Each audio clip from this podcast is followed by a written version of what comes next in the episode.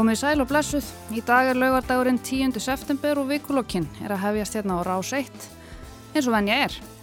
Ég heiti Sunna Valgeradóttir og hef umsjón með þætti dagsins.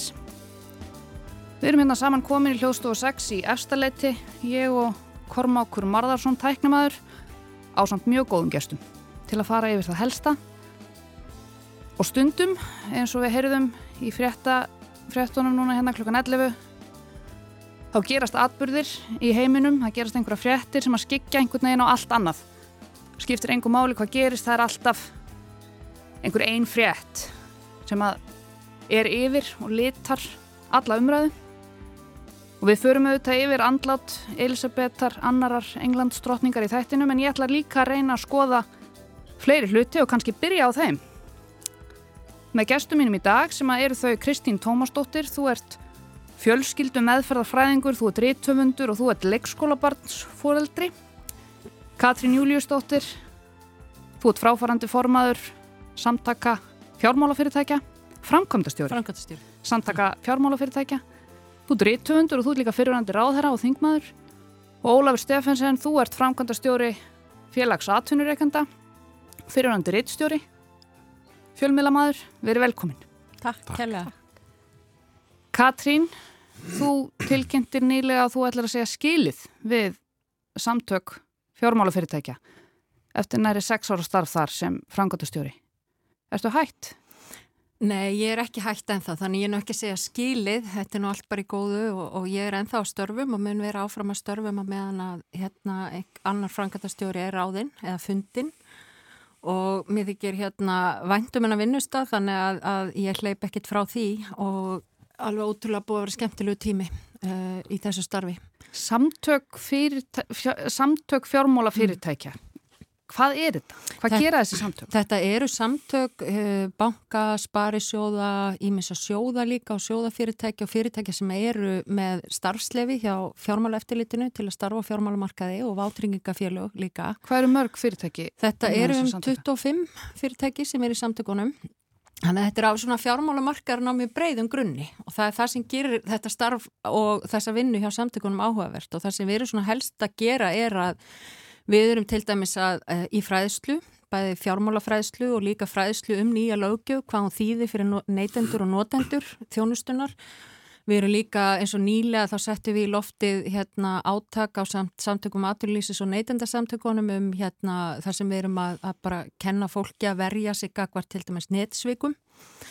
Og síðan erum við náttúrulega að bóla kafi í löggefinni og allir innleðingu á löggef líka frá Evrópu. Og það er kannski megin þorri starfsins vegna að þetta er náttúrulega óbúslegt magn af breytingum á, á löggef og regluverki sem hefur átt sér staðu undanfjörnum árum og við erum verið að sjá svo mikla breytingu á þessu kerfi og það sem er líka kannski hefur verið mjög áhugavert að sjá er þessi svona er þessi svona auknu aukna hlutverk sem fjármála kerfið er að fá. Eins og tekun sem dæmi bara að á mörgu leitir er fjármálafyrirtæki orðin útverðir stjórnvalda þegar kemur að peningaþvætti núna líka í, í lofslagsmálum og, og sjálfbærni og og þau eru komið með rosalega stór samfélagsli verkefni þannig að þetta er mjög spennandi geiri og búið að vera virkilega og er virkilega gaman að, að vinna með þeim í, í þessu málum. Ég sé það bara á þér, þið þykir væntum þessi samtök? Mjög. Þú ert að hætta eftir, eftir sex ára starf, hvað tekur við? Það er bara, kemur ljós, ég er, hef verið að skrifa. Já, og, þú skrifaðir skáldsögu, hvenar, hvenar kom hún? Hún kom út hösti 2020 Skáldsson Sigur, hún slóði gegn. Já, það, það gekk ágætlega Já. og ég var mjög þakklátt fyrir viðtökurnar og, og líka fyrir velun sem ég fekk svartfuglin fyrir hanna og ég byrjuði á annari, hann er að, að ég ætla svona aðeins að sinna því en, en ég mun alltaf þurfa, ég þarf alltaf að hafa nóg að gera, það er bara þannig. En stundu þarf maður bara aðeins að staldra við, núlstilla sig og líti kringu sig og ég fann bara sá tími var komin, ég líka þetta er langu tími í svona starfi eins og, eins og ég hef verið í að vera að tefla sex ár Þannig að ég hérna ætla bara að sjá hvað gerist. Stundu leifi ég mig bara aðeins svona að sjá, heyrðu, ég ætla bara að fara að grúska og lesa og smá svona endumetta mig og, og sjá bara hvert lífið tekur mig. Þú er búin að vera að kæla þig í, í kleifarvatni. Heyrðu, svo er það nú eitthvað sem ég geti kannski fara að gera eitthvað með. Ég hérna gerir mjög mikið af því að fara í ísköld vatn og hven, bara allan ásins ring þar að segja ef það er ekki búið að loka vatninu með ís. og hérna ég hefur ósað gaman af því að leiðbæna fólki í þessu og kannski ger ég eitthvað meira með það en, en svona, ger, mun gera kannski sitt lítið að hverju eða fara í eitthvað starf, það kemur bara ljós. Hérna. Ég er orðin svona eins og trúbúð, fólk talar um að við sem byrjum að kæla, við verðum svona eins og trúbúðar og ég bara stend með að því sko. Er þetta sértróðsöfnur, Katrín? Ha? Er þetta sértróðsöfnur? Nei, vitið það að þetta er náttúrulega, við finnum okkur öll eitthvað og þetta bara var mitt. Ég mitt í hnið þannig ég get ekki lengur svona hamast eins og ég gerði á skýðum og, og fjallgöngum og svona. Þá þurfti ég eitthvað annað og þetta hefur svolítið komið í staðin Við heyrum í fréttunum hérna klukkan 11 að Katrín Jakobsdóttir fórsættisráður er að skrifa glæparsögu sem er bara alveg stórkostlegt. Ég er ósala ánað að heyra það og hlaka mikið til að lesa. Hún náttúrulega er líka sérfræðingur á þessu sviði. Og hérna þannig að það verið mjög gaman að sjá hvaða, hvaða hérna, stefnu þau taka í þessu Kollegarnir. Kollegarnir, einmitt. Ólafur, þú varst framkvæmdastjóri félags atvinnureikanda fyrir, ég googlaði, það er næstum því nákvæmlega 8 ár síðan. Já, það er eftir þér. Og þú ert ekkert að fara að kæla eitthvað í klefarvatni í bili? Nei, nei, og er ekkert eitthvað sem að fara að skrifa skáldsögur heldur, sko. hérna, ég hef bara haft afskaplega gaman að þessu starfi. ég, ég segi nú stundum, sko, ég var bladamæður í 20 og eitthvað ár. Og reittstjóri og hérna maður hefur verið að stundum svona bak, bak við eira þó maður hefur gaman að því sem maður er að gera eh, en maður þurfti nú plan B hvað myndum maður langar til að gera? Mm. og ég, eh, þetta starf hjá þessu litla félagi var klárlega eitt af mínum hérna, B-plönum. Af því að bara það er mál sem þetta félag hefur barist fyrir frá stopnin 1928 falla svo vel að mínum lífskoðurum ég ábyrjaði að skrifa greinar um, um hérna, afnám totla þegar ég var áttjánar Þetta er mjög svona, þetta er mjög spesifíst eða mér að sletta áhuga mál sem þú, sem þú hefur, þessi totlamál Nú síðast nú... varstu að láta þig frönskutnar, var jú, það? Jú, þetta snýst nú kannski að breyðum grundalli bara um, um hérna, frelsi í, í viðskiptum og ekki síst millríkja viðskiptum sem ég held að á endanum kom okkur alltaf öllum best til góða þó að það séu öflugur sérhagsmuna hópar sem að vilja, vilja hérna, verja sín forréttindi og vernd. Mm -hmm. já, ég, ég hef búin að vera í þessi átta ára að jagast í þessum með fransku kartablunar það er 76% af tollur á franskum kartablum enginn hefur alminlega getað útskýrt fyrir mér af hverju að setja svona opáslega hár tollur á akkurat þær sko. En hérna Þú hefur líka talað um túlipanna, þú hefur talað um orsta Já, já, já, já. Það, sko það hefur verið að setja verndartolla á svo margt sem er ekki framleitt á Íslandi eins og tökum bara parmesanost eða, eða hérna eða einhverjar af þeim hundruðum blómategundar sem eru ekki ræktar á Íslandi það eru ræktar hérna svona 5-6 tegundar af afskortum blómum en það eru ofsalega háir tollar á öllu dóttinu. Og ertu að, að ná einhverja af þessu hérna, í, í gegn? Eru, þetta potast. Þetta mjallast. Snakktollurinn fór fyrir 5 árum og og hérna, þetta, þetta potast allt dropin, dropin hóla steinin Ég er með fegin að hann skulle vera að skrifa þessa greinar vegna að ég les þar og, og bara get tekið undir mjög margt þarna. Og aðdáðandi franskra kartafluna Mjög mikill, hvít súkulega franska kartafluna á mér alltaf. Kristín Ólafur segir dropin hóla steinin Þú ert fjölskyldu meðferðarfræðingur kannski svona fyrst og fremst, þú tekur pör í ráðgjöf, þú heldur námskeið fyrir stráka og stelpur til að ebla sjálfströst, þú hefur skrifað bækur. Mm -hmm. uh, nýveri hefur hins vegar verið svona kannski helst í kastljósunu sem foreldri barns sem Já. er ekki í leikskóla. Um, Borgin stóð ekki við gefin lofórð þið fylgtu ráðhúsið af, af foreldrum og, og börnum Hver er staða núna? Er barnið komið á leikskóla? Herði, hún byrjaði alveg klukka nýja á mandagsmorgun. Já, já. Þannig að droppin hólaði einhvern stein hana? Já, bara þetta eru merkur atbyrður í sögu þjóðarinnar. Við öndum öll léttar. Við getum öll andar léttar, en sko, hún er fjórða barnið mitt og ég þurfti að taka svona bara áttu fjóru sinum. Og mér finnst það bara, þetta var alveg svona meira droppin sem fylgti mælinn, sko. Og og ég fekk eitthvað svona bara þetta bara gengur ekki lengur. Það þarf bara að klára þessa baráttu sko. það er ekki hægt að vera að láta ungbarna fóreldra að vera að standa í þessu. Og það sem sko verra er, er að flestir ungbarna fóreldra standa ekkit í þessu heldur bara sætta sig við þetta. Og eru bara í algjörum vandraum og, og hérna bara kvíðanút yfir því að það er svona ákveði bíl, hann að milli, sérstaklega milli 12 mána og 18 mána sem er bara hverki brúað og hérna það, það er, þú veist, margt sem skýrir það en það breytir ekki að það er bara einhver, einhver hóla þarna í kerfinu okkar sem að við verðum að fara bara sem samfélag að finna út úr sko. En það leit nú alveg út fyrir það allavega svona utanfrá síðan að borgin væri og, og reyndi svona eins og þau mögulega gáttu að koma til mótsvið ykkur. Það er bara alls ekki rétt hjá þér. Vegna þess að þau hérna, uh, reyndu svo ofbóðslega mikið til að þakka niður í mér og þakka niður í þessari umræðu. Bara, þú veist, útskýra að þetta er fjölþættu vandi og þið verði bara að býða og börn hafa gott að vera heima með mömmu sinni og, og það er bara flókið lóða vandamál og bara allir sko, ég talaði við mjög marga, þannig bara innrytunastjóri, þannig sviðstjóri, leikskóla sviðs, svo eru náttúrulega borgarfulltrúar og ég held bara líka að það, það er bara orðins mikil ábyrgadreyfing, það tekur engin ábyrð á þessu sko hjá, hjá borginni. En þetta er miklu starra náttúrulega vandamál. Það er ekkert sem tekur við af fæðingarólofi og hérna borgin hefur ekkert verið að hleypa börnum inn á leikskóla fyrir um átjánmána, þú ert ekkert örug fyrir um átjánmána til tveggjara með vatnaplást, þannig að þú veist það er ekkert bara hægt að þetta fingur út í borgina, ég ger mér alveg grein fyrir því en það sem stuðaði mig svo voru svona, var þessi vörn eh, gegn, þú veist það var náttúrulega mikið hérna um kostningalofur í vorum að öll börn 12 mánu og eldri myndu komast inn á leikskóla og svo var ekki staði við það og svo var bara, mætti mér ekkert nema vörn. Ég hef bara viljað heyra mjög ekki þetta leiðilegt. Það hefði allavega verið og, svona... Og fegstu ekki að heyra neitt svo leiðis? Nei, aldrei. Aldrei heirt mér ekki þetta leiðilegt.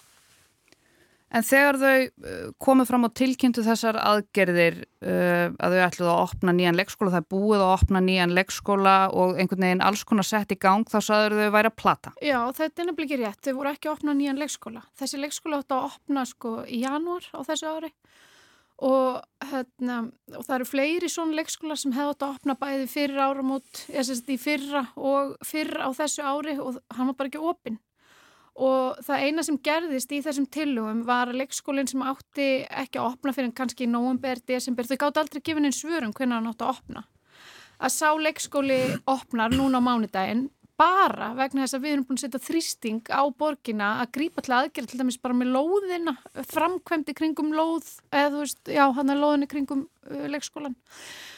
Og það sem pyrraði mér svo var að hann að þegar maður var að spyrja út í þetta, bara okkur getið ekki opnaðan leikskóla, húsnæðir tilbúið svona, þá bara, já það er ekki hægt að vanta verktaka og bara okkur vanta verktaka, það er bara útbóð og okkur er ekki búin að fara stað með útbóð, bara að því bara, fengum aldrei neina almenni svör, þór til að bara hann hann Einar Þorsteinsson sem að er nú ennþá með smá svona motivasjón, sko, þannig svo ný komin inn í þessa pólitíka, hann bara eitthvað mætti að nýrtir og og bara sá að það þurfti bara nokkra, nokkra gröfur og hann bara náði þær hann frá framkvæmdarsviði Reykjavíkuborgar og svo er bara búið að græja þetta og það var það sem við hefum viljað sjá svo miklu miklu fyrr og það er bara eitthvað sem að maður mætti sjá miklu oftar í stjórnsýslinni Ólafur, hvað, hvernig sér þú þetta? Sko, þetta er náttúrulega mikilvægstu verkefnum sveitafélagana, það er að, að hérna, tryggja þessa þjónustu, leikskóla uh, þjónustuna. Bara út frá svo mörgum sjónarhóttnum að, hérna bara út frá mínum sjónarháli eh, hjá atunlífunu þá er þetta mikilvægt að, að, hérna, fóraldra sem eru búin með sitt fæðingarólof geta snúið aftur að sínu starfi og það fari ekki allt í uppnáma því að bara þau get ekki komið aftur. Þetta er líka í aðbreytismál, maður sér það kannski því miður, við erum ekki komin lengra en svo í, aðbreytisbarátunni að það er meira mömmum á pöllunum í ráðhúsinu að steittan hefana heldur en að pöppum sem er bara vegna þess að þær eru ennþá líklegri til að vera fastar heima með krökkunum ef að það fast ekki leiksólaplás Ég síðan sko, hef náttúrulega síðan svona mína skoðanar á því hvernig borgin gæti mögulega verið að reyna að leysa þetta örfis. Ég held að það mætti reyna að virka enga framtækið betur.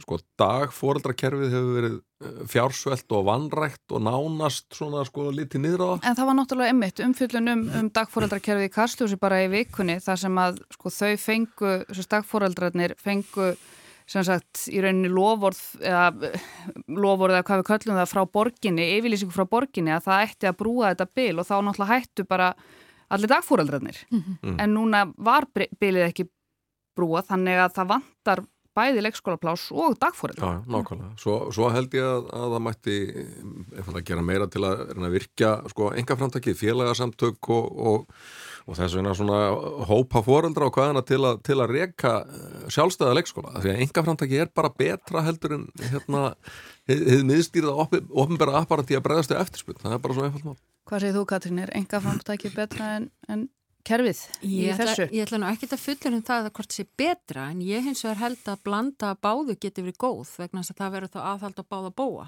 og það gefur líka ákveðna valkosti og, og, og, og annað sem að ég held að sé alltaf að finna góða. En það sem að mér finnst hins vegar mikilvægt að þið ofinbæra sjáu um og það er að tryggja jamt og gott aðgengi.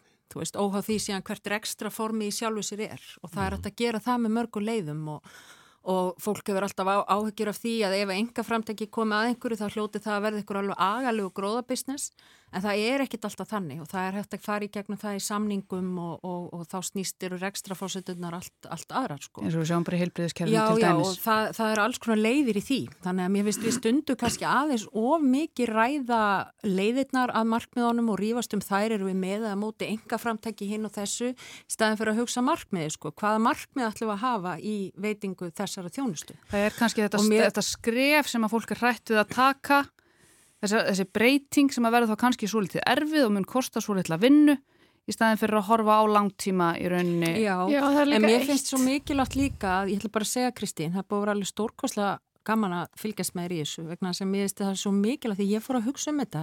Ég hef farið með þrjú börni gegnum leikskóla. og ég saði aldrei neitt, ég tók bara kviðanútin og var einhvern veginn í stresskasti að reyna að finna dagmömmu til að brúa og svo vissi maður aldrei almennilega fyrir bara alveg svona mjög stuttu áður en maður komst inn með krakkan inn á leikskóla, þetta var alltaf svona rosalega svona spenna í kringum þetta og hún er óþægileg og, en ég tók aldrei neitt slag og ég saði aldrei neitt, ég var bara allt svo þakklátt sko. auðvitað eigum við að láta í okkur heyra og mér varst það bara frábært hjá okkur. Ég er mjög ánum með þetta fram, framtak. Takk fyrir, en ég hafði ekki gaman að og ég, mér, þetta, þú veist, tíma mínum betur varið í annað. Óþálandi maður þurfa að gera þetta, en það er eitt sem vantar í þessar hérna, tillögur og það er að, það, það, það sem komið svolítið óvart og mér leiði svolítið illa yfir í allir þessari baratu var að uh, ég fekk svo mikla svona, uh, það er svo, er mikil umræða um að það, hérna, mömmur er bara heima með börnunum sínum. Og þessi tengslamyndunar umræða og að hérna, fyrstu þúsund dagar lífi bass erum ótrúlega mikilvægur og við erum alltaf að gera okkur betur og betur grein fyrir því. En eh, kerfin alltaf býður ekki upp á það heldur að við getum verið lengur heima með börnunum okkar, hvorki feður nýjum mæður, þannig að mér finnst það vera annar svona punktur og svo líka að eina mótstaðan sem að ég fann í allir þessari umræðu. Hún kom frá ótrúlega sérkennlum hópi. Hvaða hópi?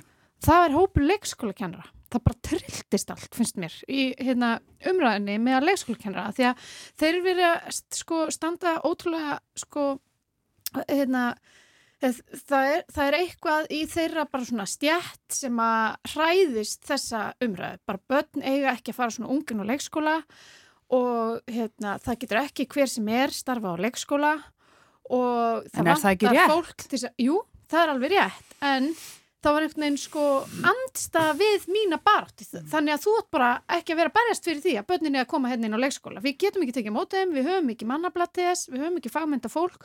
Þannig að ekki vera að byggja um þetta. Mm. þú eru að leysa þetta einhvern veginn öðru sig og mér finnst það svo undarlegt. Og að, þú veist, öll umræða um hérna, mentun leikskóla kennara og bara þetta er, úff, þetta er eldfimt sko.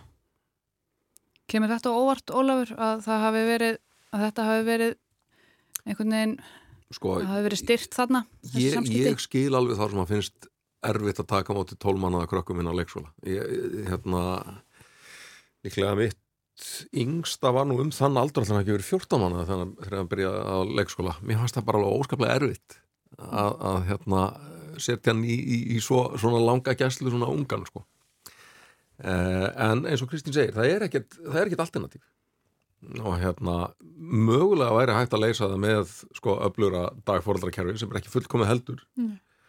eh, lengra fæðingaróla hefur verið í umræðinni er Áreilja Eitís, hún kom hérna í vikulokkin fyrir einhverju síðan og það voru svona, það, þá rættu við þetta aðeins, Mm. hún er sem borga fulltrúi samsóknar og, og það var formaður leikskólarás formaður leikskólarás og þar var einhvern veginn umræðan sem varð ofan á tveggjára fæðingarólof.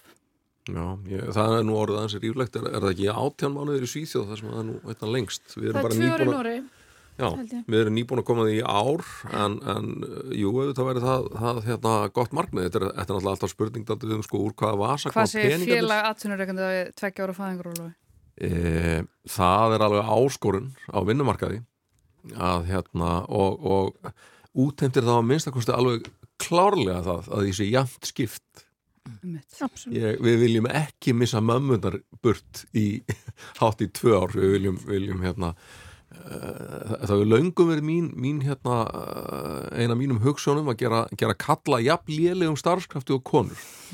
Af því að, hérna, það var stundum haft á orði hérna, uh, í gamla daga sko að konur væri lélegri starfskraftar en kallar af því að þetta verið svo mikið í burtu frá út, út af sko emitt, fæðingarólofi og að sækja börn á leikskóla og svona, get ekki unnið eins lengi og, og ég, það verið mitt mott og gerum kallana jafnlélega starfskrafta á konunar við erum ekki komið þangað því miður.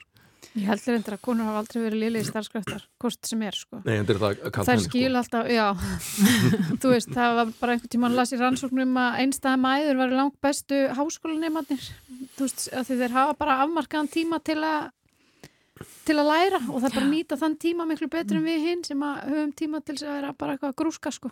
Framleið per klukkutíma meiri bara. Miklu meiri. Já, algjörlega sko, En hérna, en þetta, skipulagi vinnu og allt það Mm. En mér hérna, sko það þarf að leysa þetta og það er bara spurning hvernig menn gera og mér finnst mjög áhugaverð umræð um að lengja fæðingarólu frekar.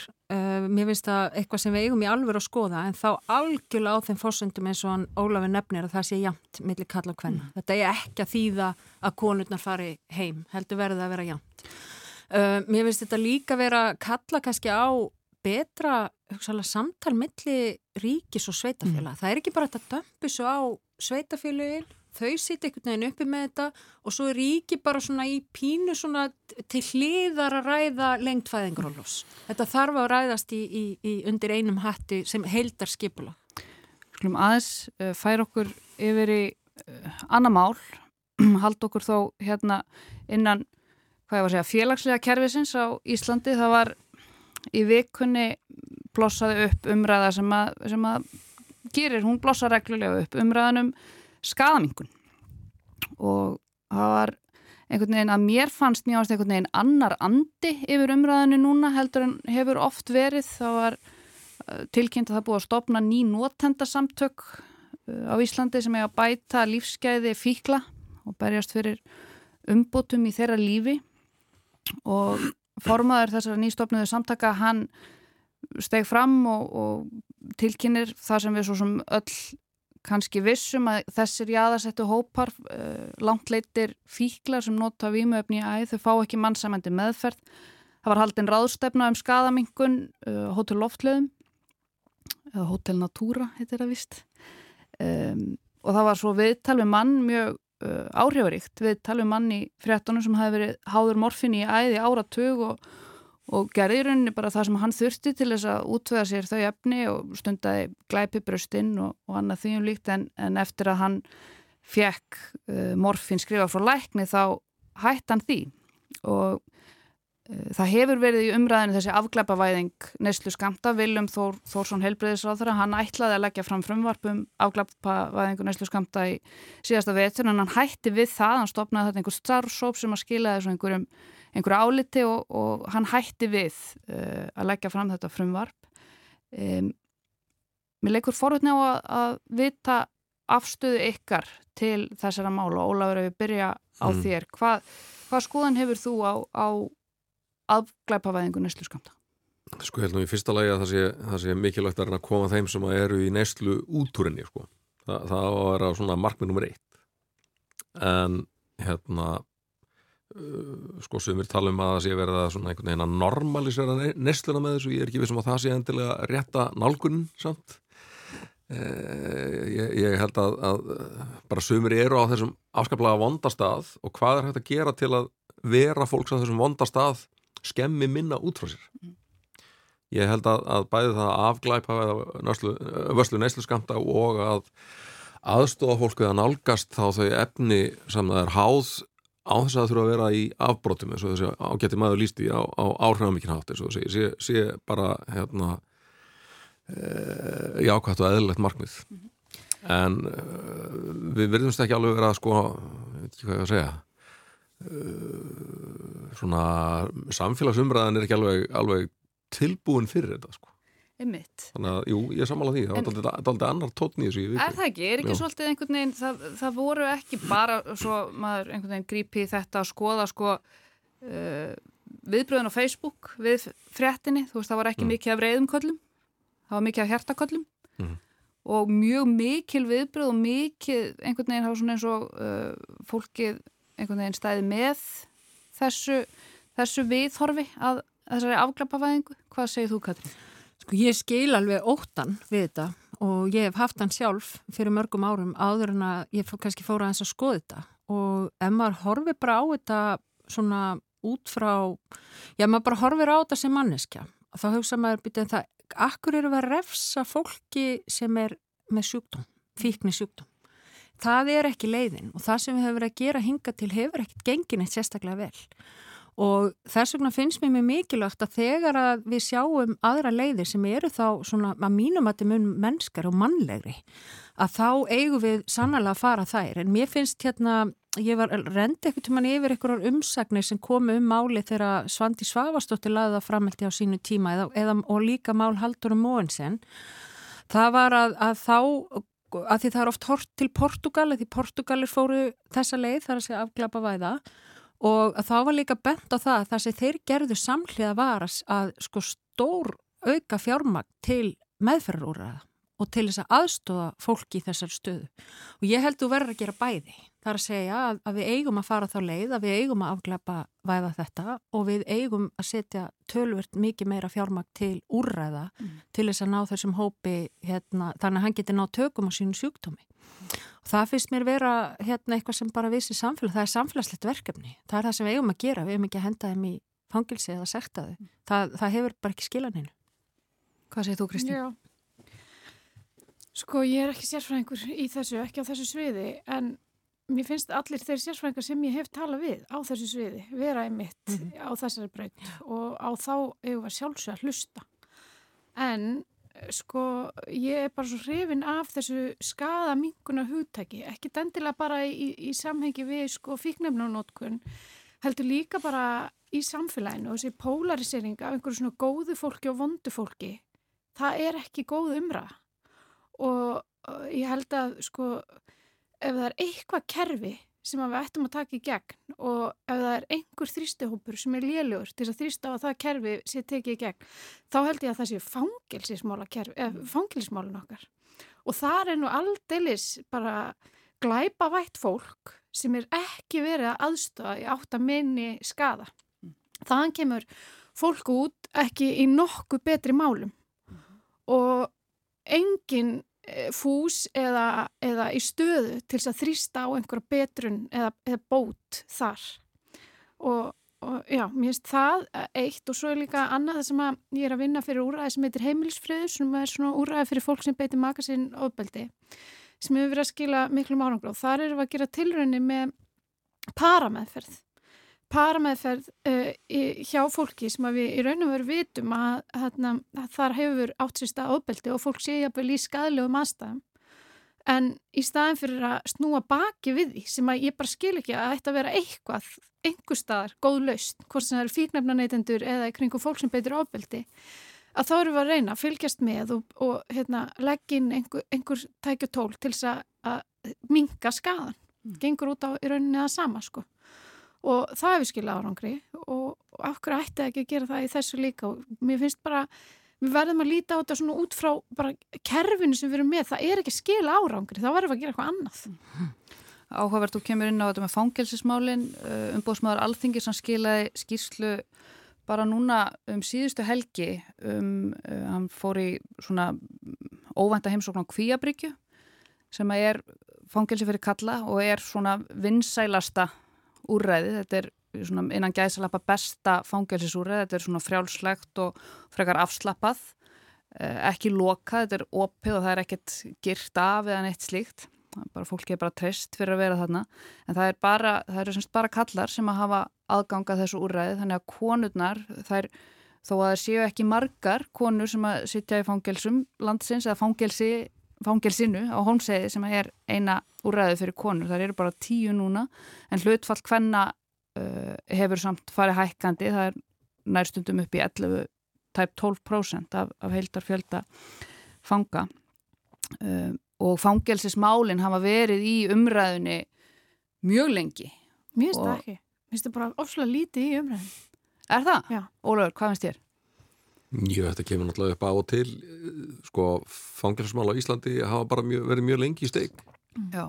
aðbúnaðurinn, ég menna það er bara mjög stutt síðan að sko 140 ára gamalt hús tæplega var tekið úr nótkun sem, sem fangelsi Það er bara mjög stutt síðan, sko. Allan, allur viðbúnaður þar gjörsanlega fyrir neðan allar hellur Mhm. það var sama með þetta kvennafangelsi svo kallega í, í Kópái Sko ég fór eins og hérna, sem uh, framkvæmtastöru gæðhjálpar, þá fór ég upp á Littlarhaun og hérna, ég varð fyrir menningasjokki. Við vorum að taka út bara gelbriðismálinn þar, það eru kannski sjö ár síðan, eitthvað svo leys, tíu ár og ég var bara fyrir algjöru sjokk, ég fekk bara tauðafall þegar kom þaðan út. Ég hugsaði bara, þetta er eins og ég var að lesa í kennslubókum í sálfræði um geðsjúkrahús fyrir 70 árum síðan. Þetta var ekki nokkur betra og ég held því miður að staðan sé ekki droslega Hún er aðeins beð, það er bara að koma því að það er búið að, að stopna geð heilsu teimi fanga Mhm. sem var nú bara gert fyrir, fyrir tveimur ánum síðan en þau eru bara fjögur held ég Mhm. og ná náttúrulega engan veginn að, að anna allri Nei. þeirri eftirspurð sem er eftir þeirra uh, þeirra Það er aðstóða geðheilbriðismálum en bara aðstæðan, Já. bara litla raun, bara sem húsnæði, Mhm. það er Já, það- ógeðslegt. það var, það var einmitt, já, átt að vera næsti, næsti kapli hjá mér, sko, það er líka uh, hérna, gjörsamlega óðunandi og svo fangelsið á hónseiði sé það eina sem uppfyllir einhverjar mm -hmm. sæmilega nútímakröfur, sko ég held að getum bara nota gamla orðið hérna, betrunarvist þegar að fangelsiskerfið á Íslandi næru utan um það að þetta sé betrunarvist þá er þetta komið í lag en, en uh, það er það augljóslega ekki í mörgum tilug Hvað segir þú Katrín? Ég hérna, get bara tekið undir það sem hér hefur verið sagt að við eigum og við þurfum að fara í gegnum þessu umræðu. Og þetta er ekki bara eitthvað einangra það er að þetta fangilsi sé með þessum hætti að þetta fangilsi með hinum. Heldur hver er saga þessara fanga? Það er, þarna er djúb áfallasaga baki. Það eru gríðarlega svona, hvað við segja, erfiður aðdraðandi að því að þú lendir í fangilsi og hlutfatt þeirra sem að þar eru sem að eru, eru þar inni vegna fíkni efnamála eru náttúrulega mjög hátt Þessi 80-90% af föngum sem eru skrindir með fíknisjúkdum. Akkurat og, og þetta segir okkur bara svo mikla sögu um að það sem að gerist í aðdraðandanum og það sem að síðan gerist þegar þú kemur út, þetta skiptir allt máli og ég held að við séum ekki að horfa þetta í nógu miklu samengi. Mér finnst hérna að það var gott hvernig var tekið utanum, mér finnst ásmundur einar tala mér vel um svona hvað var segja þessa áfallasögu uh, og hvernig við getum reynda að grípa inn í hjá ungu fólki og börnum miklu miklu fyrr, það er gott og það er svona einhver byrjun á á því sem gerist í aðdraðandanum en síðan er það þannig að, að, að þessi umræðum skadamingun, hún á líka heimaðaninni, hvernig ætlum við að fást við þá sem að eru í fíknivanda? og við erum ekki svara þeirri spurningu nægilega vel hinga til þannig að þess vegna finnst mér mikilvægt að mann klári þau mál að, að, að minnstakosti hætta að líta á þetta sem refsivert og fara að líta á þetta sem heilbriðismál. Bara svo stefnubreiting skiptir máli. Svo þarf að setja meiri fjármun í meðferðarúræði. Þannig að við þurfum ekki að sjá að eftir ungu fólki fara inn í fangelsin í stórum stíl og, og við erum að sjá. Og svo þarf að horfa hvað gerist á eftir. Ætlum við svo bara að segja, heyrðu, hérna er, er strætófarmiði gangið vel og félagsmálastofnun er, er þarna. Við þurfum líka að horfa hvað eru þau með húsnæði, eh, hvað tekur við þeim. Þannig að þú leiðist ekki bara inn á sömu braut með gömlu kunningjónum aftur. Þannig að við þurfum kannski að fara að skoða þetta meira með þeim hætti. Þannig að fangelsin sem slíkar ekki bara ein og sér til umræði. Og mér finnst hérna, ég, svo að þegar þú tala nú um kvíabryggju áðan, ég hef heimsótt kvíabryggju í mínu starfi sem alþingismæður og það kom mér á óvart. Mér fannst það hafa bara, mátti gera heilmikið við það húsnæði, þetta er eldgamalt svona gamalt einhvern veginn bær og hafa fúkalikt og þú veist, það getur vel verið sér búið að laga það núna. Nei, það kemur fram í skýslunum við haldið sér verulega það var alveg, og vitið að það, ég bara ég, mér fannst ég bara heyri í silfuskottunum skiljið, þú veist, ég, hérna, þetta er aðstæðan, hérna, jú, þetta er kannski að, að mörguleiti út frá frelsun að gera gott betra en en það má gera mjög margt og svo viljum við bara reyna að koma í veg fyrir að þessi stóru hópur þeirra sem á við fíknavanda sé að lenda þarna inni og þar er held ég stóra verkefni. Absolutt. Fyrir ykkur sem voru að koma að viðtækjunum, Þeir eru að hlusta á vikulókin, ég heiti Sunna Valgeradóttir og gestir mínir í dag eru þau Kristín Tómasdóttir, fjölskyldumeðferðarfræðingur, Katrín Júliusdóttir, fráfærandi framkvæmdastjóri samtaka fjármálafyrirtækja og Ólafur Stefensen, framkvæmdastjóri félags atvinnureikenda. Við erum búin að halda okkur hérna innanlands í fyrir hluta þáttarins og nú verðum við að færa okkur til Breitlands. Augu heimsins Væntanlega leiði ég mér svona fullir það, kannski smá hálfkæringi og þau hafi verið á Breitlandi alla vikuna eh, af ólíkum ástæðum þó.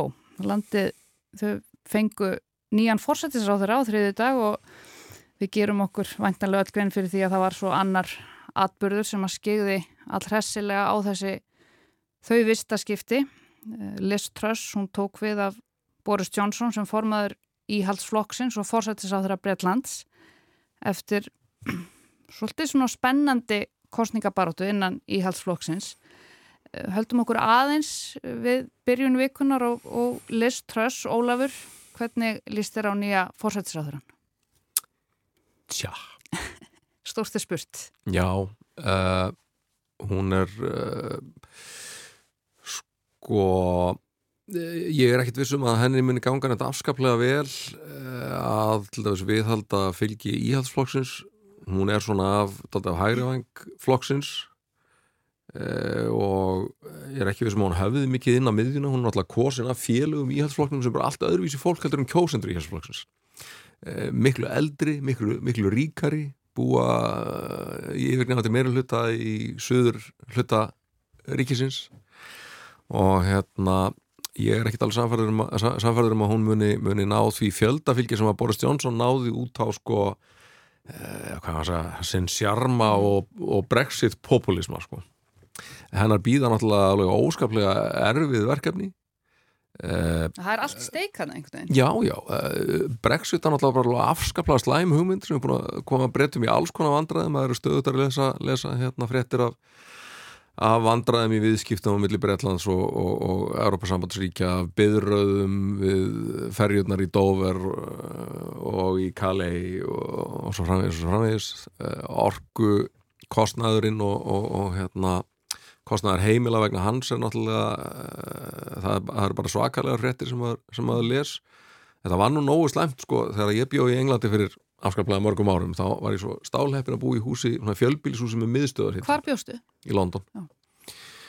og þannig að það var alltaf eh, hlítin í að mér eh, Félag, skólafélagar mínir sko sváfu í þremur lópapeisum og með tvær sængur Það var, nú, emi, það var nú bara í byrjun vikuna við tölvið Íslendinga sem að búa í Breitlandi sem eru bara í lópapeisum inni og til að skipta kinda. Ef einhverjum dætt í huga kinda eh, þá sko svona, til að hafa sæmilegan íslenskan stofu þetta svona þegar fór að, fór að vetra þá var því snarlega hægt þegar fyrsti orkurreikingurinn kom. Mm. og þannig að, að hérna, þetta var nú ekki beysið fyrir hjá brettanum Hvað segir þú Katrin, hvernig, hvernig líst þér á list tröss? Veistu, ég er bara alltaf að gefa henni smá tíma að leifin að njóta vafans? Já, ég ætla að leifin að njóta vafans og sjá hvað hann gerir. Það er oft, þú kemur kannski svona á yngri árum, ertu kannski svolítið einmitt á einhverjum vang og stífari en svo þegar þú komin actually með verkefnin í, eða svona raunverulega með, hérna, ég ætla nú ekki að vera sletta hérna, komin með verkefnin í hendunar að þá kemur kannski hérna þessi svona praktíska hlið á þér upp, þannig að við skulum bara sjá hvernig henni gengur og og ég er hérna bara verður áhugavert að sjá það. Ég er uh, svona Mér finnst þú samt það sem ég lesi um hana, ég er kannski ekkit eitthvað, ég er ekkit, ég hoppa ekkit hæðvina, en það er svo sem fylgin ekki endilega málum pólitísk séð og svona lífsín, lífsín okkar ólík, en það verður áhugavert að fylgjast með henni bara. Og ég, gefum, gefum henni smá tíma og, og svo sjáum við Hva, ég, ég, held að, ég held að Súnak hefði haft breyðara skýrskotun hjá, hjá þjóðinni. Ég var reyndar spínur hrifin af hún það var eitthvað já, en, en ekki kannski hjá, hjá hérna, félögum íhaldsflokkum sko. Nei, en ég menna þeir kussu Boris Johnson þannig að kannski segja svolítið. Hún Liströss hún segraði Súnak í kostningunni og tók svo við af Boris Johnson sem fórsættis á þeirra á þriðu dag það eru myndir af henni taka í hönd Elisabethar annarar englandsdrottningar í Balmoral, Kastalægi Skotlandi þannig að setni part þriðu dagsins uh, síðan gera slutinir á fymtudag sem að enduðu þarna setni partin á tilkynningu breska ríkisútvarpsins BBC um andlátt Elisabetar. Eh, Kristín, hvað rást þú þegar þú heyrði fréttinnar um breytadrottningu og hún var í látin? Ég var inn í liftu, var með henni heim og vinni og hérna fekk það úr, hérna, fekk þessar upplýsingar í sérstökum hópi sem ég er í á Facebook eh, áhuga fólks um uh, royalista sko. Já, þú ert í þeim hópi? Já, svona uh, lokuðum hópi sko. Ég skil. Lokuðum spjalli. Er þetta kaltæðnis hópur eða? Já, svona bæðu og mm. sko. Og hvernig leiðir? Um, mér leiði bara fínt sko. Mm. Ég, það var ekkert eitthvað, ég fældi ekkert tár sko. En stór frétt, enga síður, ég man mm. líka hvað ég var þegar Díana prinsessa dó og hvað varstu? Hérna, ég var nú að vakna upp eitthvað, eitthvað unlingafillir í sko og hérna og mér fannst það stórar fréttir og ég hugsi muni líka alltaf muni eftir þessu sko mm. hún, það var náttúrulega bara ótrúlega merk kona og ég er bara hrifin af öllum merkum konum og ég segi það líka um hana Liz Truss ég fylgin ekki í pólitík en e, mér finnst alltaf gott þegar konur taka við einhverju svona kjapli og ég hugsa heitna, það sem ég finnst svona umhugsunavert er að Boris Johnson hann fór í gegnum alls konar skandala skandala sem ég held að konu eins og henni muni aldrei leifast mm. Mm -hmm. og hérna uh, ég bara hlaka til að sjá hann að takast á við uh, þetta verkefni en hérna, mér fannst hún vera með uh, svona mjög um, mjög ástun bara skilag í sinni ræðu hérna þegar hún tók við og, og greinlega með þá reynu hvað þjóðin vildi heyra hún sagðist að taka orkumálunum strax og frista orkuverð og hún gerði það sem ég held að þjóð hennar sé að kalla eftir sko. Mm. Ólafur, fylgist þú með útsendingu BBC þennan fymtudag? Hún var, var svolítið svakaleg. Þeir Já. fóru mjög snemma og voru all, allir mm -hmm. fréttamennir og þauðleitnir búin að skipta yfir í svart. Það var búið að setja svartan borða löngu áður en það var búið að tilkynna andla á drottningarinnar heldur þau að, að þau hafi haldið í sér vita þetta í einhver tíma? Mm, já, sko, tilkynningin frá höllinni bar öll uh, merki þess að, að, að það væri komið að endalokanum þannig að hérna og BBC er að sjálfsögðu sko brífað frá því fyrir einhverjum áratugum. Á því hvaða ferli fyrir gang þegar að, þegar að hérna, eh, þjóðhauðingin mögulega fellur frá. Þannig að, þannig að jú, það var augljóst að þetta var sko í rauninni þau læft og hérna en síðan sko um, hann hafa löngum sagt um breska konungdæmið uh, kongurinn eða þjóðhauðingin deyr aldrei. Uh, sá uh, sí, sko hann dregur síðasta andardráttin og arftækin andarinn. Og þannig var tilkynningin frá höllinni. Uh, drottningin andaðist í balmáralkastara konungurinn og kona hans gista þar í nótt og koma svo til London. Þetta verði allt í lagi. Og það er eiginlega alltaf essens breska konungdæfinsins sko uh, og þessar, þessar fjölskyldu, hún hefur bara það hlutverk að segja fólki að verði allt í lagi. Mm -hmm. Uh, Elisabeth hefur náttúrulega margóft verið í því hlutverki kannski síðast í, í COVID sko. Að hérna halda svona hugreistandi ræður yfir, yfir, yfir stjóðinni og sína að hérna sko ég breyti engu hjá mér sama hvað ágengur og ef maður skoðar þessa makalösu 70 ára valdatíð þá er náttúrulega bara Bretland og, og, og hérna samveldið það sem eftir er á heimsveldinu þetta er bara eitthvað allt, allt annað fyrirbæri heldur en hún tekur við. Hún er sko uh, drottning Pakistans í einhverjar vikur. Uh, Karl er reyndar sko rétt eins og, og móður hans þjóðhauðingi í 15 ríkjum en, en þetta er, þetta er gjör breytt heimurinn og Breitland þetta er hérna, eins og hann reyndar sæði sjálfur í sínu fyrsta áarpi, þetta er orðið hérna, fjöl þjóðlegt eh, fjölmenningarlegt samfélag það sem að mörg trúarbröð eh, hérna, eh, búa saman og svo framvegis og, og, og hérna svona áarpar það og, og ætlar auðvarslega að gera sitt besta til að, til að þjóna því samfélagi. Mm en hérna en, en já, hún hefur verið í þessu hlutverki að, að sko vera ták stöðuleikans og samhælninar á meðan allt er rauninni á hverfanda kveli í þessu, þessu landi Ég held að það sé bara í gangi núna og með að við erum að spjalla um þetta það sem að Karl er svona að hann er formlega, það er búið að formlega lýsan sem konung þó þetta sé rétt sem hún segir, hann varð konungur sjálfkrafa þegar að móður hans lést. Um, það var þarna mikið hafari í, í London í morgun þegar að hann Karl, Karl III breyta konungur mætir á fund breska arftakaráðsins í Sandu Jakobsvöll í Lundunum og þetta var eh, ég horfið nú á þetta með öðru augunum þarna í morgun, þetta var ekkert smá samansapna fólki þarna í þessum sal 200, 200 manns og allir, og þarna í fremstu röðu allir fyrverandi fórsættisáðherrarnir, það voru þarna Tony Blair og Boris Johnson og Theresa May og Gordon Brown og, og, og þetta er í fyrsta sinn eðlilega sem þessari aðtöfni sjómvarpað vegna þess að hún hefur jú ekki átt sér stað í hvað 70 ár um, hvernig líst þér á nýja brettakonungin, Katrín? Mér, hérna, ég var nú alltaf svo mikil díunu kona að mér var, ég var sár út í Karl lengi, mm. bara mér fannst þetta, mér fannst hann ekki hafa svona hlustað á díunu og, og, og mættinni þar sem hún var þegar að, að hún giftist inn í þessu fjölskyldu og Þannig ég var, ég var svolítið þar, þannig ég hef lengi átt svolítið erfitt með hann en svo í gær þá ég fylgist nú ekki dvola mikið með en, en þú veist, mér finnst alltaf, að sorglegt til einhver fellu frá.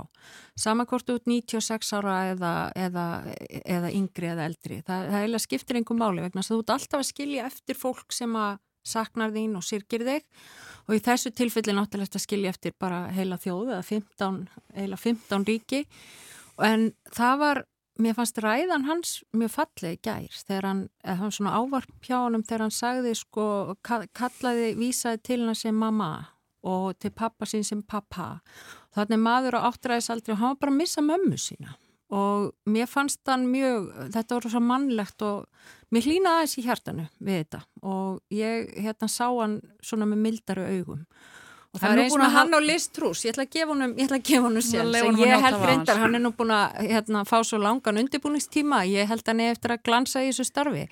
En það sem að mér finnst samt merkilegast með hana, því ég er nú engi sérstekur royalisti, um, en það er að hún hefur gert þetta með ótrúlega svona að því þú fæðist inn í eitthvað hlutverk og þú hefur ekkit mikið val og þú átt ekkit frelsum að fara að spá í hvort þú er að fyrir þennan háskóla að gera þetta, að gera þetta við, við lífið þitt.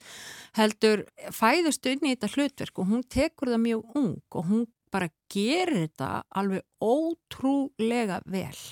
Gerir þetta mikilvægt svona hæversku en samt festu, mjög fylgin í raun og veru sko rammanum sem að hún þarf að starfa innan og það bara aðdánavert hvernig hún hefur gert þetta og hvernig, hvernig við tekist vel til. Og, og þó það hefur verið svona einhverju smá skanda, skandalar, smáir og stórir í fjölskyldunni í kringum hana þá er hún alltaf svona einhvern veginn silt eins og klettur. Mm. og svo náttúrulega bara fyrir utan það að hafa verið í allan tíma, það er bara sagan sem er til í þessari konu er ótrúleg. Og það er eiginlega, sko maður veit ekki, ég veit ekki hvernig það er, kannski þekki þið að betur sko, hvort að hvernig það er allt saman skrásett sko, það sem hún hefur séð og það sem hún hefur verið hlutað og það sem hún, það sem hún veit. Öðruvísin á Netflix bara, Já, öðruvísin á Netflix, þá er ég að menna svona fyrir alvöru, en, en svo er það kannski ekki það sem er tilhlýðilegt fyrir, fyrir drottningu af hennar kalibir að gera. En mér finnst saganar ótrúlega merkileg og ég hérna, hef alltaf dást þessar konu. Henni hefur náttúrulega tekist að forðast sko að stíga í spínatið eins og einmaður hennar og, og börnin náttúrulega gerðu oft og yðurlega ég las í, hérna, það var ákveðlega orðað í, í grein í Economist. Hún heimsótti sko 20.000 vinnustada stopnana félagarsamtaka og svo framvegis. Kom alltaf að talaði fólk talaði fólk, tókst að að virðast alltaf gríðarlega áhugaðsum á þess að segja nokkuð tíma nokkuð áhugavert. Mm -hmm. og þar alveg að þetta komur sér aldrei í vandraði þetta er alltaf ákveðin kunst það verður nú fróðilegt að sjá hvort að Karli tekst þetta. Suma, sko, það sem að þótt eins og sérviska hjá Karli eins og barátan fyrir, fyrir hérna, umhverfismálum og, og, og, og hérna, bættu skipula í, í bæjum og borgum og eitthvað svona, það er bara orðið mainstream. Þannig að, þannig að hérna, það er kannski minni hætt á því að hann hérna, fara ekki út af þessu spóri. En það sýnir bara hvað hann gerði þetta vel vegna þess að þú þart held ég að vera svona ef þú, að, ef þú fæðist inn í hlutverk og þú þart einhvern veginn að, að þú ert í raun og veru tákni sem heldur þessu 15 ríkjum saman, þú ert táknið. Þá þarf þetta að gera þetta svona. Mm -hmm. og það er bara ótrúlegt að geta hamið sig. Ekki gæti ég það, ég myndi örgla maður myndi örgla að missa út úr sér ykkur að vittlesu hér og þar sko Já, ég myndi líka að gera það, það Ég held að myndum öll gera það. Já, en ég, hann Karl slæðir mér sem bara ótalega róla en það getur vel verið að það sé bara eitthvað svona litað af Netflix sko það er svona mín þekking á þessu fólki hún kemur öll þaðan en Og nú ert þú í félagi áhuga fólk sem rauðist? Ég er megan kona sko. Mm, já, þú ert megan kona. Ég er megan og... Einhvern veginn kemur það mér ekkert rosalega mikið óvart. Nei, en þú veist, ég hef þurft að deilum þetta við mjög marga sem mm. að það kemur óvart mm. sko. Akkur fólk heldur ekki, mér finnst hún bara svo mikið minnilöta hópur hérna og ég held að sé alveg hræðileg örlug að giftast inn í þessa fjölskyldu sko og og bara eh, allt í einu að fara að lifa svona, þetta er bara svolítið eins og fara í fangelsi. Mm. þú ert bara sko, algjörlega frelsislega í fangelsi. og, kemur mjög skýrt fram auðvitað bæði í krán þáttunum að svo miklu leiti sem þeir eru hérna sannir Já. og líka í bara heimildamindur sem maður hefur séð um þessa fjölskyldu að skildan er ofar öllu sko. mm -hmm. ofar uh, þess vegna persónulegri hamingju og, og, og, og tilfinningu og hverju slíku og Karl sagði það með því þessari fallegu ræðu í gerðan, hann sagði hún, hún færði fórnir fyrir skilduna mm -hmm. og það hafaðu klárlega öll þurft að gera þeim er bara þeim er það misjaflega uh, lægið augljóslega Mm. En, en, en, en það er þetta þessi áðbáslega byrði sem að kvíla þessu fólki náttúrulega frá fæðingu sko, er erfitt að ímynda sér Já og maður færi eiginlega innilokuna kenda að maður reynir það sko mm. vegna að þetta er, það er bara svolítið sérstatt að fæðast svona inn í hlutverk en talandum Megan ég hef einmitt líka stundu þurft staðið því að þurfa að taka upp hanskan fyrir hanna það er mm. einhvern veginn fólk verist ekki nógu hrifið af því að hún skulle hafa tekið Harrison í burtu og síð ekkert neginn og ekkert neginn sko en ef maður horfið til dæmis á þær tvær Megan og, og, og nöfnu mína Middleton sem er núna orðin prinsessa af Wales Já. sem að mér þykir mjög vendum að því mér erst hún ferlega flott að, að þetta er líka bara spurningum hvernig karakter ertu, við erum all mannesku, við erum all með eitthvað persónleika og hún til dæmis virðist bara passa mjög vel inn í þetta hlutverk mm. og meðan að Megan kannski bara hefur annars konar hérna, element og eðli í sér sem passar ekki að vel inn í hennan stífa ramma mm. og ég hérna er mikill líka mikill aðdáðandi Katrínar og, og finnst mjög þykir væntum að hún hefði fengið þennan titil á samt sínu manni en, en, en held smá með pönkaranum Megan líka Já, ég held mikið með Megan en ég er sko royalisti að því að ég hérna ólst upp í Nóri og þar er nú líka konusfjölskylda mm. og ég er ekki allir sammálaðið með að þú veist, hún hefði, ef maður, ef maður ætlar að vera drottning þá þarf maður að gera þetta svona þetta er hún að sinni kynslu en konungur Norraks er líka gammal og þegar ég bjóði Norri þá, þá lést sko Ólafur konungur hann er 1992, hann var líka mjög gammal og hérna þar er konungsfjölskyldan svona tákn þjóðarinnar og, og mér, en mér finnst þau gera á manniskilegri hátt og það getur verið að það sé sko hérna kynnslóðabilið og bara munurinn á þessum þjóðum og, og alls. Og saga landana, mm. Bara absolutt, mm. en, en ég bara er svo hrifin að það sé hægt að gera þetta manniskjulega. En gæti til dæmis eins og við, við, sko þau eru svona frjálslindari á Norrlöndunum, gæti mm. þau það ef þau væri í Breitlandi? Ég er ekki vissu um það. Nei. Ég er ekki vissum að það, það bara, það passaði einhvern veginn og það, það, það ég verið tekið jafn vel. Ég ætla að trúa það sé hægt. En mér finnst skrítnara að börguleiti að það séu enþá konungstæmi í, á Norrlöndunum heldur en í Breitlandi. Í Breitlandi verið að halda saman ykkur sambandsríki eitthvað svona en, mm. en minna á Norrlöndunum en, en það er umræðið fyrir ykkur aðra, ég er ekki því. Ólaur heldur, svona örstuðt heldur að, að þessi umskipti að Breitlandsi nú kom með með konunghaldur þetta hafi, muni hafa áhrif á í rauninni þetta breska konungsveldi. Heldur, að, heldur við séum að fara að sjá breytingar þar sem að sko drottningin sem að var þetta mikla einhvern veginn nánast lefum er að, að segja óumdilda samstöðu tákn þar sem að hann er hann er það ekki, hann er ekki mamma sín. Nei, nei, heldur að við séum að fara að sjá breytingar? auðvitað getur hann átt eftir að vaksa en í það en einmitt vegna þeirra virðingar sem hún auðvitað fyrir það hvað hún gerði þetta svona óafinnanlega þá kannski hefur aldrei verið eitt óskaplega alvara í til dæmis sko uh, líðveldistilburðum Ástrala eða, eða Nýsjálendinga mm -hmm. minna því uh, þeir eru umræðið í Kanada til dæmis en ég held að þetta gæti alveg orðið til þess að til dæmis að sú, sú, það er skrúað upp í þeirri umræðu í, í Ástraljú og maður sér mm -hmm. þegar merki þess að, að líðveldir sinnar í Ástraljú uh, segja hvað eigum við nú að gera með hann að kalla hann hinn með hann hætturum sem, sem þjóðhæðingar Jæja, það er að koma leiðalokum hjá okkur Kristín, hvað er að gera um helgina? Ég er að halda upp á, hérna, það er sjóra hátíð hjá sjóra bandinu mínu, það er Amalis Veislur bæði dag og morgun. Húlum hæ. Og svo er ég að fara til Napoli í vikunni. Og barnið að fara á leikskóla? Og, og barnið er að fara á leikskóla og þetta er bara. Vikið gleðist? Já. Ólafur, hvað ætlaðu þú að gera? Það er 70 ára hátíð hjá tengdapappa mínum Vá. í kvöld og ég ætla að vera þar. Uh, svo ætla ég að vera mættur svo í Vóa klukkan 12 á morgun að spila golf Uh, ég sagt, fór fyrsta golfringin minn 4. júli og Kolfjall kefti mig setta inn eftir og búin að spila 50 ringi síðan og hérna vogar eru einn af stöðunum sem ég fengi alveg nýja sína á eftir að ég fór að spila golf mm. það er geggjaður og öllu Og ídífa Hvað ætlaðu að gera Katrín? Ég ætla hérna og nú að fara með vinnum og mannin minn mútið að borði í kvöld. Fyrsta skipti mjög lengi. Er það að fara?